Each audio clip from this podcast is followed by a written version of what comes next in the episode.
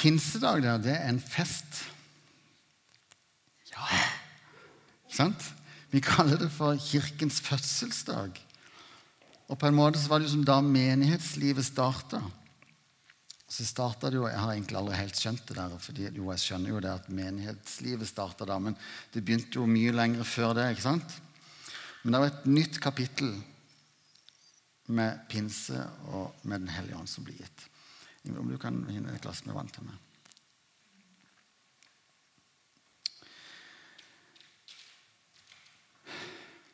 Ved Jesu død på korset så ble det en skifte fra den gamle pakt til den nye pakt.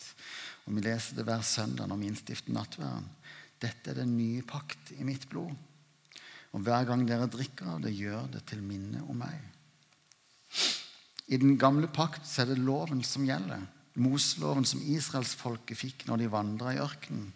Det er de ti bud, men også masse andre påbud og forskrifter som de måtte holde. Og de måtte til tempelet for å ofre. De måtte gjøre opp for syndene sine, syndofferet. Og så kom Jesus. Jesus han ble vårt syndoffer. Han tok vår straff og skyld. Og Jesu blod er vår nye pakt. Og det er det jeg bygger mitt liv på. Det er det grunnmuren i vår kristne tro. Men samme pinse litt etterpå så skjer det noe mer.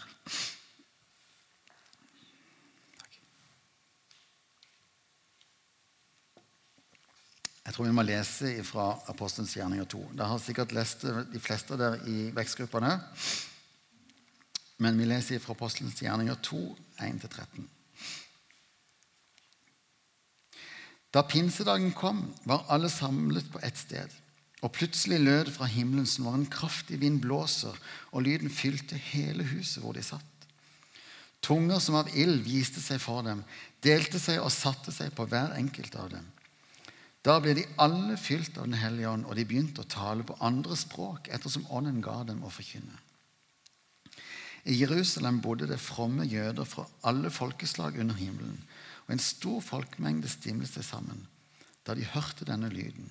Og det ble stor forvirring, for hver enkelt hørte sitt eget morsmål bli talt. Forskrekket og forundret spurte de, er de ikke galileere, alle disse som taler? Hvordan kan da hver enkelt av oss høre sitt eget morsmål? Vi er partere og medere og elamitter, folk som bor i Mesopotamia, Judea og Kappodykia, i Pontus og Asia, Frygia og Pamfylia, i Egypt og i Libya-området mot Kyrena og innflyttere fra Roma. Jøder og proselytter, kretere og arabere, og vi hører dem tale om Guds storverk på vårt eget tungemål. De visste ikke hva de skulle tro, og forvirret spurte de hverandre, hva er dette for noe? Men noen gjorde narr av dem og sa, de har drukket seg fulle på søt vin. Vi har altså vært gjennom påska, hvor Jesus dør på korset. Og så har du Kristi himmelfart, hvor Jesus reiser opp til himmelen. Og så er vi kommet til pinse, hvor ånden blir gitt til alle mennesker som tror. Men hva betyr pinse i dag? Har det noen betydning i dag? Jesus han sier i Johannes 16, vers 7 men jeg sier dere sannheten. Det er det aller beste for dere at jeg går bort. For dersom jeg ikke går bort, kommer ikke talsmannen til dere. Men går jeg bort, kan jeg sende ham til dere. Og når han kommer, skal han gå i rette med verden og vise den hva synd er, hva rettferdighet er, og hva dom er. Jesus sier altså at det er til det beste for oss at han reiser opp. For da kan han sende oss Den hellige ånd, eller talsmann, som han kaller det her. Når Jesus reiser opp til himmelen, så er det ikke for å trekke seg tilbake. Det er ikke sånn at eh, 'nå har jeg gjort mitt, nå får de klare seg sjøl'. Nei, tvert imot. Jesus reiser opp til himmelen sånn at han kan sende Den hellige ånd. Og det er altså bedre for oss at Den hellige ånd er her, enn at Jesus lever på jorda. Fordi Den hellige ånd bor i oss. Altså den treenige, hellige, allmektige Gud. Han bor i oss med sin ånd. Han har tatt bolig i oss, i det og i meg. Jesus lever ikke lenger her helt fysisk. Da hadde vi jo måttet reise til Jerusalem for å treffe han, eller hvor han måtte være. Eller vi måtte vente til han kom til Norge på audiens. Men Jesus er her. Han bor her med sin ånd. Nesten så vi kan koste på oss et halleluja. Ofte når vi snakker om Den hellige ånd, så snakker vi om, om budskap i tunge, og vi snakker om, eh, om manifestasjon og om eh, overnaturlig vis. Eh, og det er på mange måter absolutt en bit av det. Og for pinsedagen så var jo det det var jo på en måte det som var det tydeligste. ikke sant? At både vinden og ilden og, og tungetalen, eller, eller at de talte på andre språk, da, Eh, og, det var nok antageligvis ganske voldsomt. Jeg husker jeg så en film eh, hvor de, hvor de viste dette her, og, og det kom en vind og svosja inn, og så tenkte jeg det var voldsomt. tenkte jeg. Eh, og så, men så måtte jeg lese hva det egentlig sto. Da, så, jo, det var egentlig ganske voldsomt.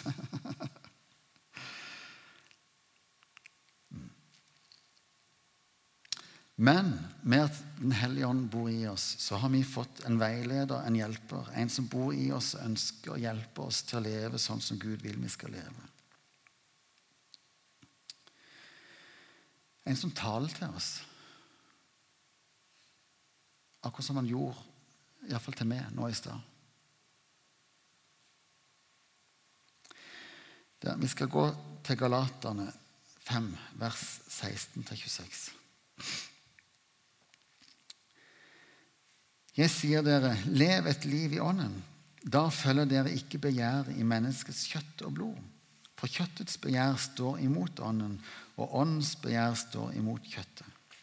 Disse ligger i strid med hverandre, så dere ikke kan gjøre det dere vil. Men blir dere drevet av ånden, er dere ikke under loven. Det er klart hva slags gjerninger som kommer fra kjøttet. Hor, umoral, utskeielser, avgudsdyrkelse, trolldom, fiendskap, strid sjalusi, sinne, selvhevdelse, stridigheter, splittelser, misunnelse, fyll, festing og mer av samme slag. Jeg har sagt det før, og jeg sier det igjen, de som driver med slikt, skal ikke arve Guds rike. Men åndens frukt er kjærlighet, glede, fred, overbærenhet, vennlighet, godhet, trofasthet, ydmykhet og selvbeherskelse. Slike ting rammes ikke av loven. De som hører Kristus til, har korsfestet kjøttet med dets lidenskaper og begjær. Lever vi ved Ånden, så la oss også vandre i Ånden. La oss ikke være drevet av tom ærgjerrighet, så vi utfordrer og misunner hverandre.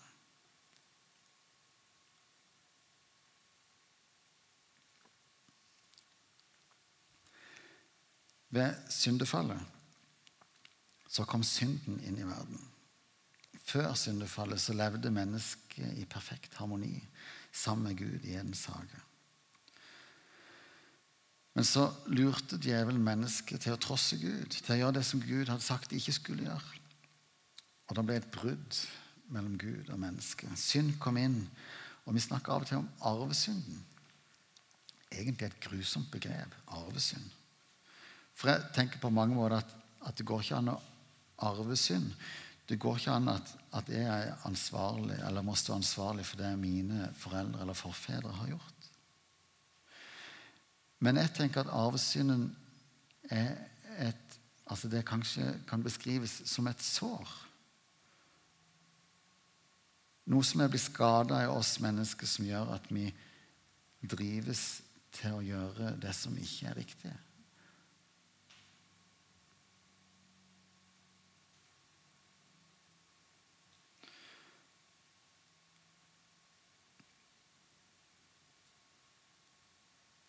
Kjødet er et ord som blir brukt i Bibelen. Menneskets dragning mot å gjøre det som ikke er godt for oss. Og kjødet der, det er i konflikt med ånden. Det ligger i strid med kjødet. Altså Ånden og kjødet ligger i strid med hverandre. Og Paulus beskriver det ganske godt i Romerne 7, vers 19. hvor Han sier at det gode jeg vil, det gjør jeg ikke, og det onde jeg ikke vil, det gjør jeg. Dette er da egentlig tabu å snakke om. Og vi kan ofte høre folk si at uh, mennesket er godt på bunnen. Men er det nå egentlig det? Ja, vi er skapt gode. Men syndefallet har noen konsekvenser som vi fortsatt må bære. Det blir et skille mellom menneske og Gud som gjør at mennesket ikke bare gjør godt. Som gjør at jeg trenger Gud.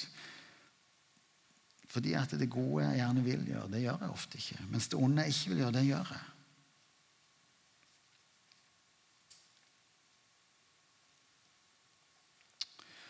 Forkynnelse om synd og dom er det ikke så mye av lenger. Det var veldig mye mer av det før.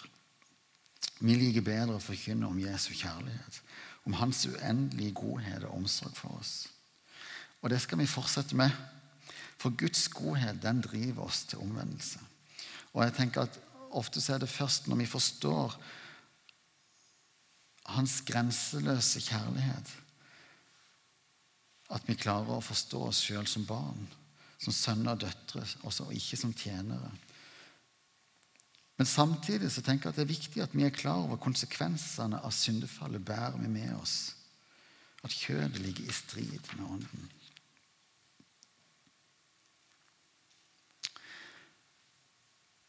Vi kan de fleste av oss kjenne igjen av beskrivelsen eh, av han som sier at han har to hunder Eh, inni seg som slåss. En ond og en god. Vi ser det kanskje tydeligst i Donald. Da, da er det jo som tegnt på, på skuldra hvor den ene har horn og den andre har glorie. ikke sant? Eh, og de slåss inni oss. Eh, hvorpå han da som, eh, som, forklarer dette, her, han, han blir spurt hvem er det som vinner. Eh, og han svarer at jo, det, den jeg fôrer mest. Og det er en selvfølgelighet, og vi vet det godt. Men vi har allikevel en tendens til å undervurdere fienden. Vi bagatelliserer mye av det som drar oss bort ifra Gud. Som drar oss bort ifra Ånden. Som, det som taler Eller som er i strid med Ånden. da.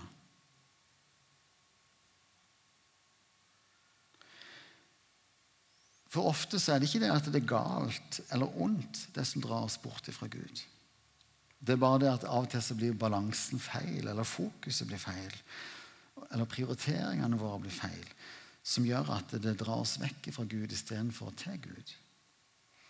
Ta bare så en sånn eh, ting som seksualitet. Vi er skapt av Gud, Seksualiteten som er skapt av Gud og gitt til oss mennesker som noe av den mest fantastiske gave som binder sammen ekteparet. Men seksualitet på avveie, seksualitet med feil fokus eller kilde eller sted, er noe av det mest destruktive inn i våre liv. Og Sånn er det med mange av de gavene som Gud har gitt oss. Det som vi fyller livene våre med, som er Guds gode gave. Men om det blir det viktigste ja, så skjer det noe i våre liv som ikke er etter Guds gode vilje. Kanskje er det dette som er vår tids avgude. Vi kamuflerer det, og vi tilber det ikke sånn som de gjorde på Jesu tid.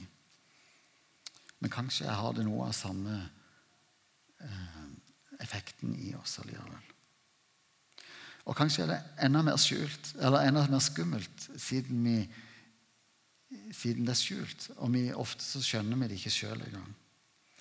Og Det er mange sånne ting i våre liv som kan bli en slags avgud. Trening, jobben vår, hvor mye tid og fokus vi bruker på, på alt som er rundt oss. Tidstyver som Internett, sosiale medier, spill, TV, nyheter osv.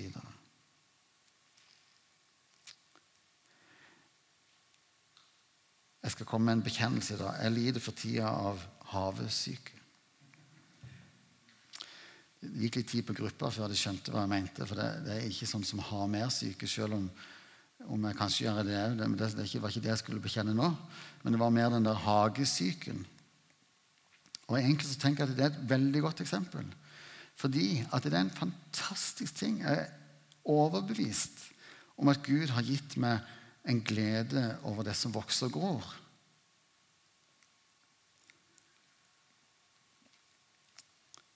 Og jeg kan komme med en haug av gode argumenter for hvorfor det er bra.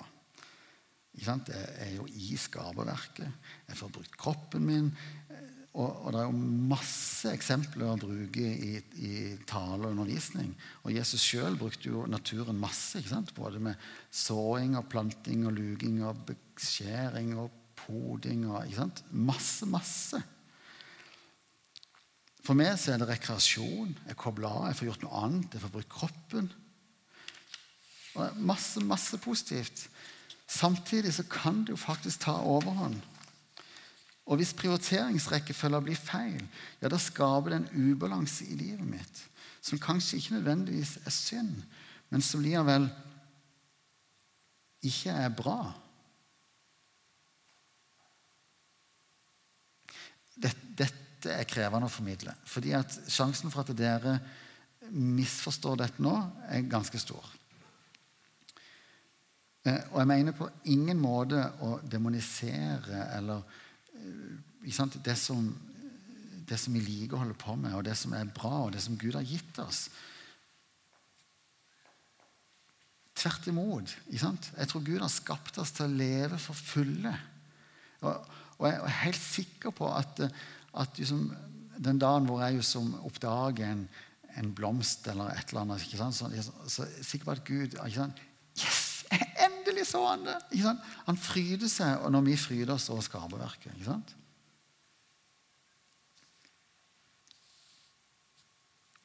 Men det er denne balansen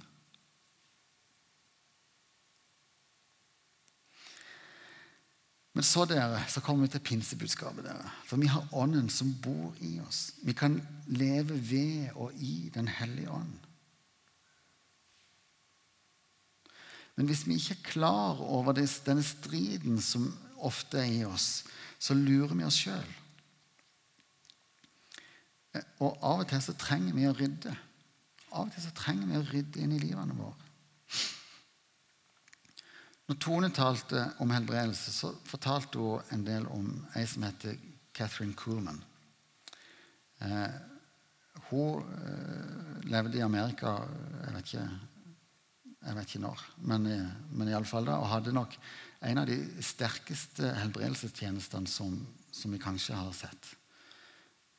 Eh, og, det, og, det en, og, De forteller om at det var helt spesiell, et helt spesielt åndsnærvær Eh, rundt eh, Kuhlmann.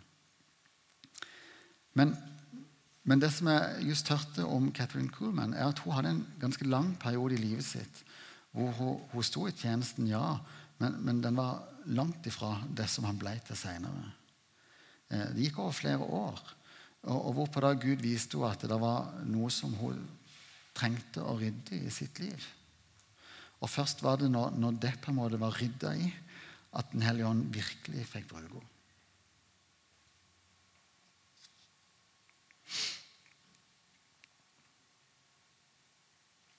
Og Hvorfor forteller jeg dette? dere? Jo, fordi jeg tror ofte så bagatelliserer vi det som, som, tar plass i våre liv. Det som tar plass i hjertene våre.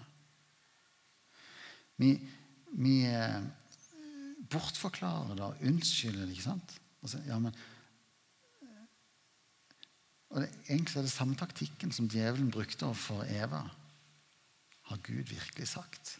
Ja, Men han mente det jo ikke sånn. Ikke sant?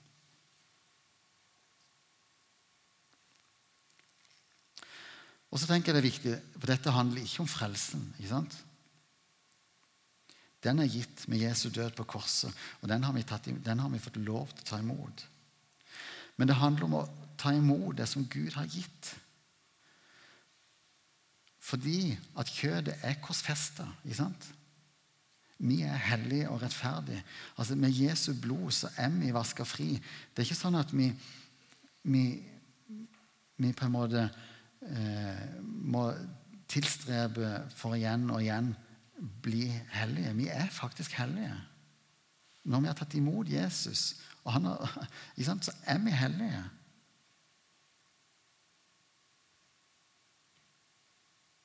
Luther snakket om samtidig syndere og rettferdige, men det, men det er egentlig ikke riktig.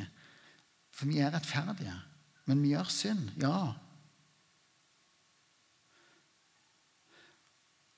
Og vi har Den hellige ånd i oss. Altså Kjødet eh, har ingen makt over oss lenger, for Den hellige ånd er så ubegripelig mye større. Ånden er gitt til oss.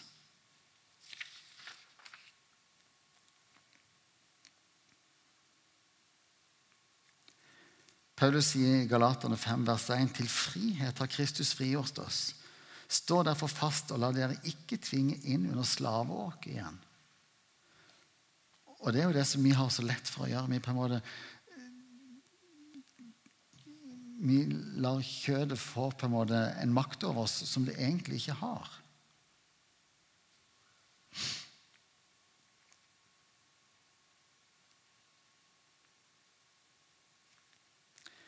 Det er pinse dere, og ånden er gitt. Og vi har Den hellige ånd, men jeg tror allikevel at vi, er, vi skal nytte sjansen i dag til å ta imot på nytt. Eh, og la bare ånden få fylle oss og prege oss. At vi kryver opp på Guds fang, sånn som, eh, sånn som i jeg gjorde i sangen her i sted. Og så la Den hellige ånd bare forfylle oss og rense oss, fortale til oss, forrettlede oss. At Den hellige ånd får vise oss hva som ikke er bra i våre liv.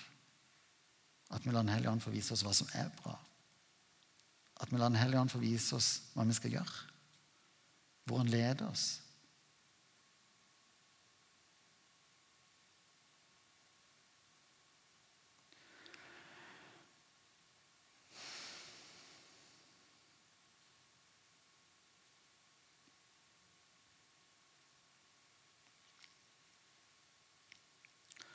Han lar oss ikke bli igjen som foreldreløse barn. Han er hos oss, han er i oss. Og det at Jesus reiste opp, var til det beste for oss, for da kunne han sende oss Den hellige ånd. Han bor i oss med all sin kraft, med all sin kjærlighet, med all sin nåde, med all sin visdom, med all sin tilgivelse. Med alt det som han er, så bor han i oss.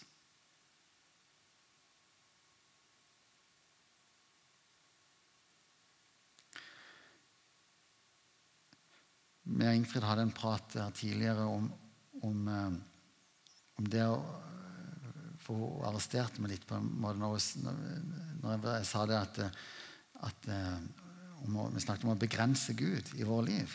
Så sier jeg, hvem, vi, hvem er vi? Vi kan ikke begrense Gud. Eh, og nei, altså Gud har all makt i himmel og på jord. Men vi kan allikevel begrense Gud han, hvilket rom han får lov til å få i oss. Mm. Både bevisst og ubevisst. Mm.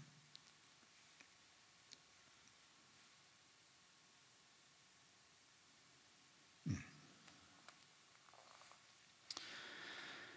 Kjære Jesus, takk for at du er her med din ånd. At du bor i oss.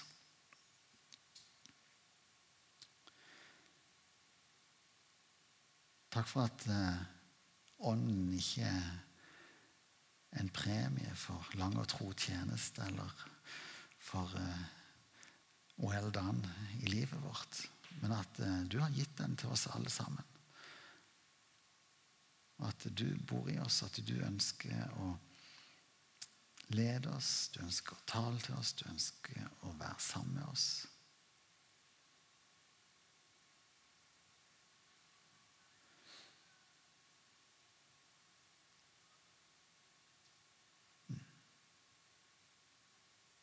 Jesus.